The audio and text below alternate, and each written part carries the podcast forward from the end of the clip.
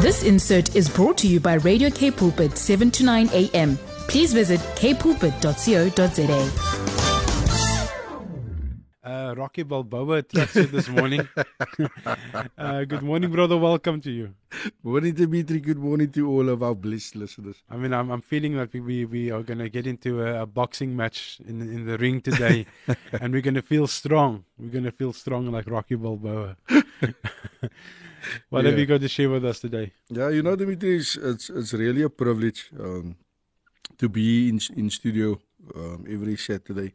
It's really honored to to to to share, um, you know, worldviews. And what a, a lot of people don't know is is the name of of our ministry is called Sons of Issachar.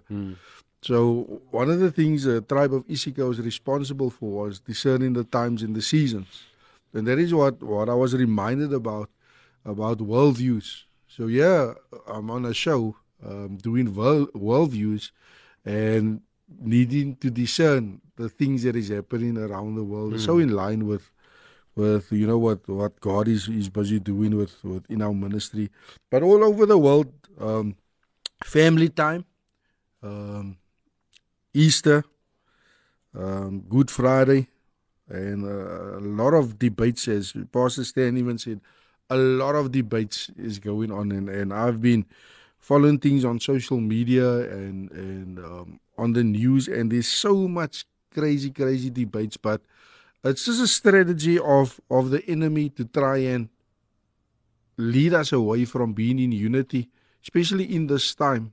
And there's a reason for that, Dimitri. And you know, Thursday uh, evening, as I as I was praying, you know, I was was um, you know in in the room that I pray at at home, and and I became so emotional because then I started visually seeing Jesus in the upper room with the disciples washing their feet and how he was serving him. Even Judas that was there, he was he was serving him, and I believe even then Jesus Jesus knew what was about to happen, what was awaiting for him, but still he went through with it. Even when going through uh, to to the garden of of Gethsemane, he knew what was waiting for him. And even in the garden, he, he uttered the words. He said, "He said, Father, please take this cup of suffering away from me."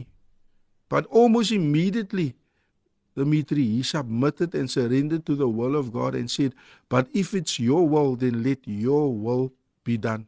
How much of us that is listening here this morning, that is walking with people, Dimitri, and and and uh, you know, as Jesus walked with the disciples, there was love that he had for them. There was even love that he had for Judas. Because how much of us walking with people, we go through stuff with him, but we only walk with him to a certain extent. We're not really willing to go through things with him. Ah, you know what? Dimitri doesn't want to listen. Um, I keep on talking to him about the same thing. You know what? I think it's time I take a back step now. Did Jesus do that? He never did that. He followed through with what needed to be done. And you know, even when Jesus was praying in the garden, Judas arrived with a with with a group to arrest Jesus.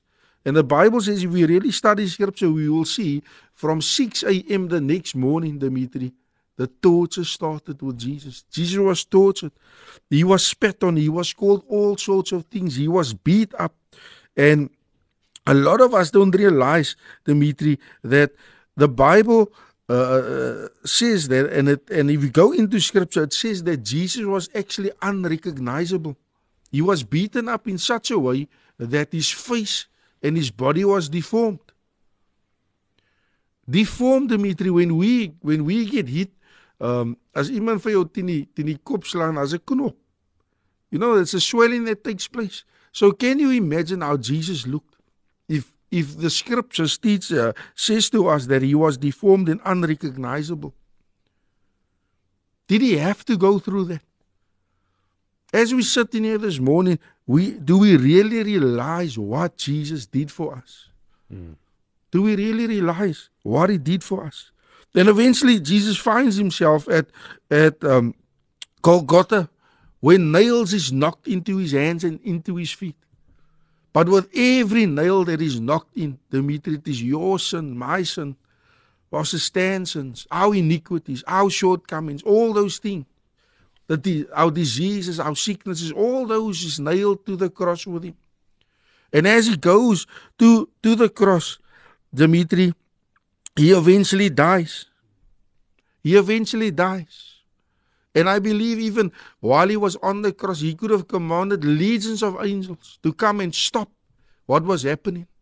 But he had you and me on his on, on his mind. He had Judas that betrayed him on his mind. He had the disciples on his mind. He had the person that is struggling with alcohol, alcohol on his mind. He had the person that is struggling with drug addiction on his mind. He had the gangster on his mind. He had the woman that is being abused on his mind. Whatever we are going through, whatever our, our families are going through, he had us on his mind. And many don't realize, Dimitri, and, and even as I shared with you this morning, that on, on, on Thursday, as we were, were thinking about doing church service, and the Lord reminded me, He said, Why?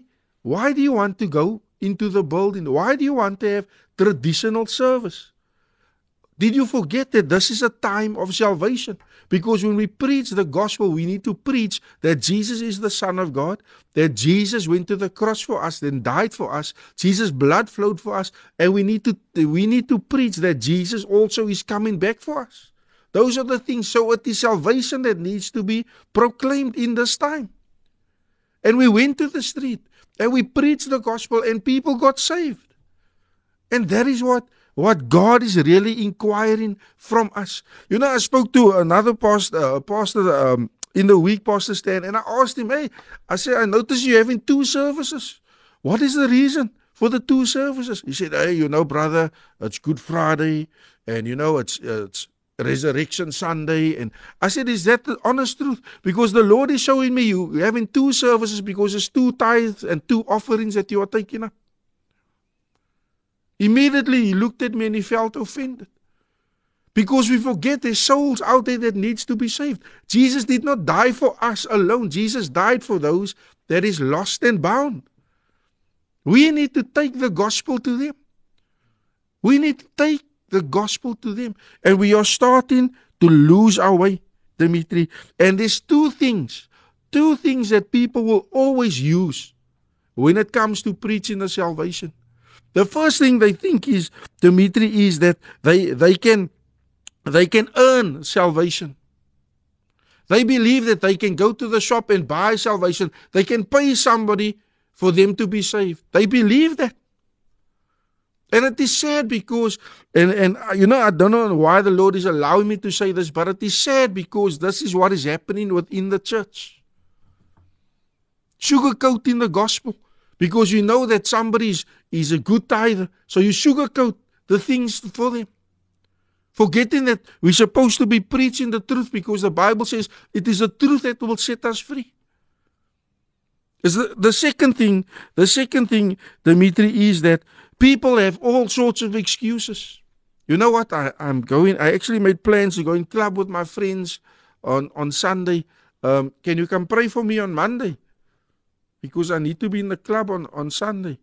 Um, you know what? I arranged a braai for today, Pastor Stan. Can you maybe come back to my house on Sunday evening uh, when we're done braaiing? And that is the excuses they make. Not realizing as soon as we, we depart from one another, we don't know what is going to happen. And yesterday I said, even at at at at, at the feeding, Pastor said, I said, you know what? Even though I know I make mistakes, even though I know I shall fall, I fall short of the glory daily, even though I, I, I do things that is not pleasing unto man.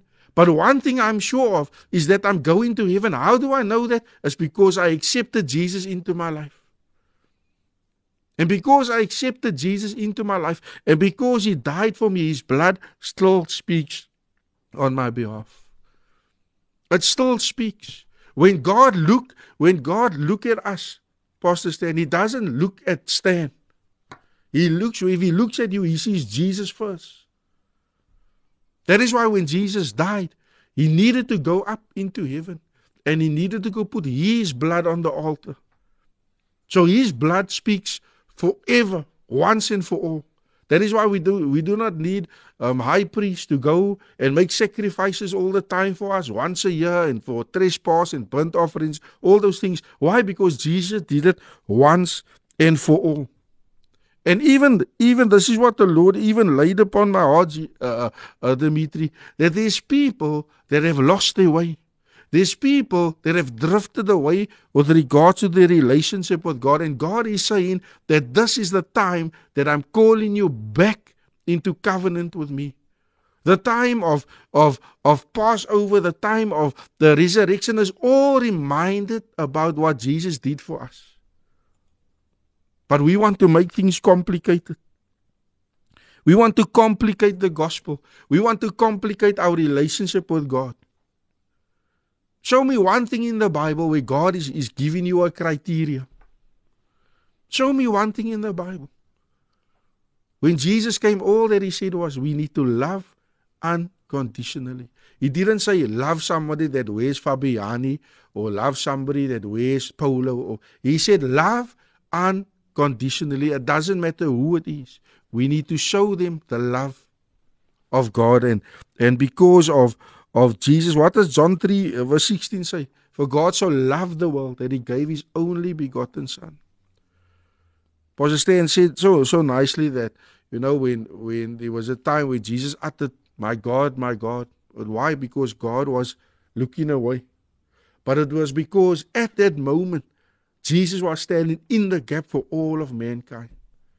For all of mankind. He are standing in the gap for you, for me, for that person that is drinking now, for that person that is smoking drugs now, for that person that is struggling with abuse now, for you and for me. When I got saved, Dimitri, this is how it happened to me. One night, I cried out. Pastor Stan, I was sleeping in the street in one of the alleyways in Mitchell's Plain. And I looked up at the stars and I realized something. I realized that I messed my life up and my life was going nowhere because I was homeless. And I looked at the stars and I said, God, if you if you really exist, give me just, just one chance. One chance. In my sleep, the next morning when I woke up, Pastor said, I was completely delivered from everything. Cigarettes, drugs, alcohol, every single thing. Because when I went to go sleep, I was high as a cat. As a kite, I was addicted to drugs. But when I woke up, I was completely set free. Why? Because I cried out to God. I cried out to him. And how much of us are going through similar things now, but we forget that there's a way back to the Father, and that is through Jesus. This insert was brought to you by Radio K Pulpit, 7 to 9 a.m. Please visit kpulpit.co.za.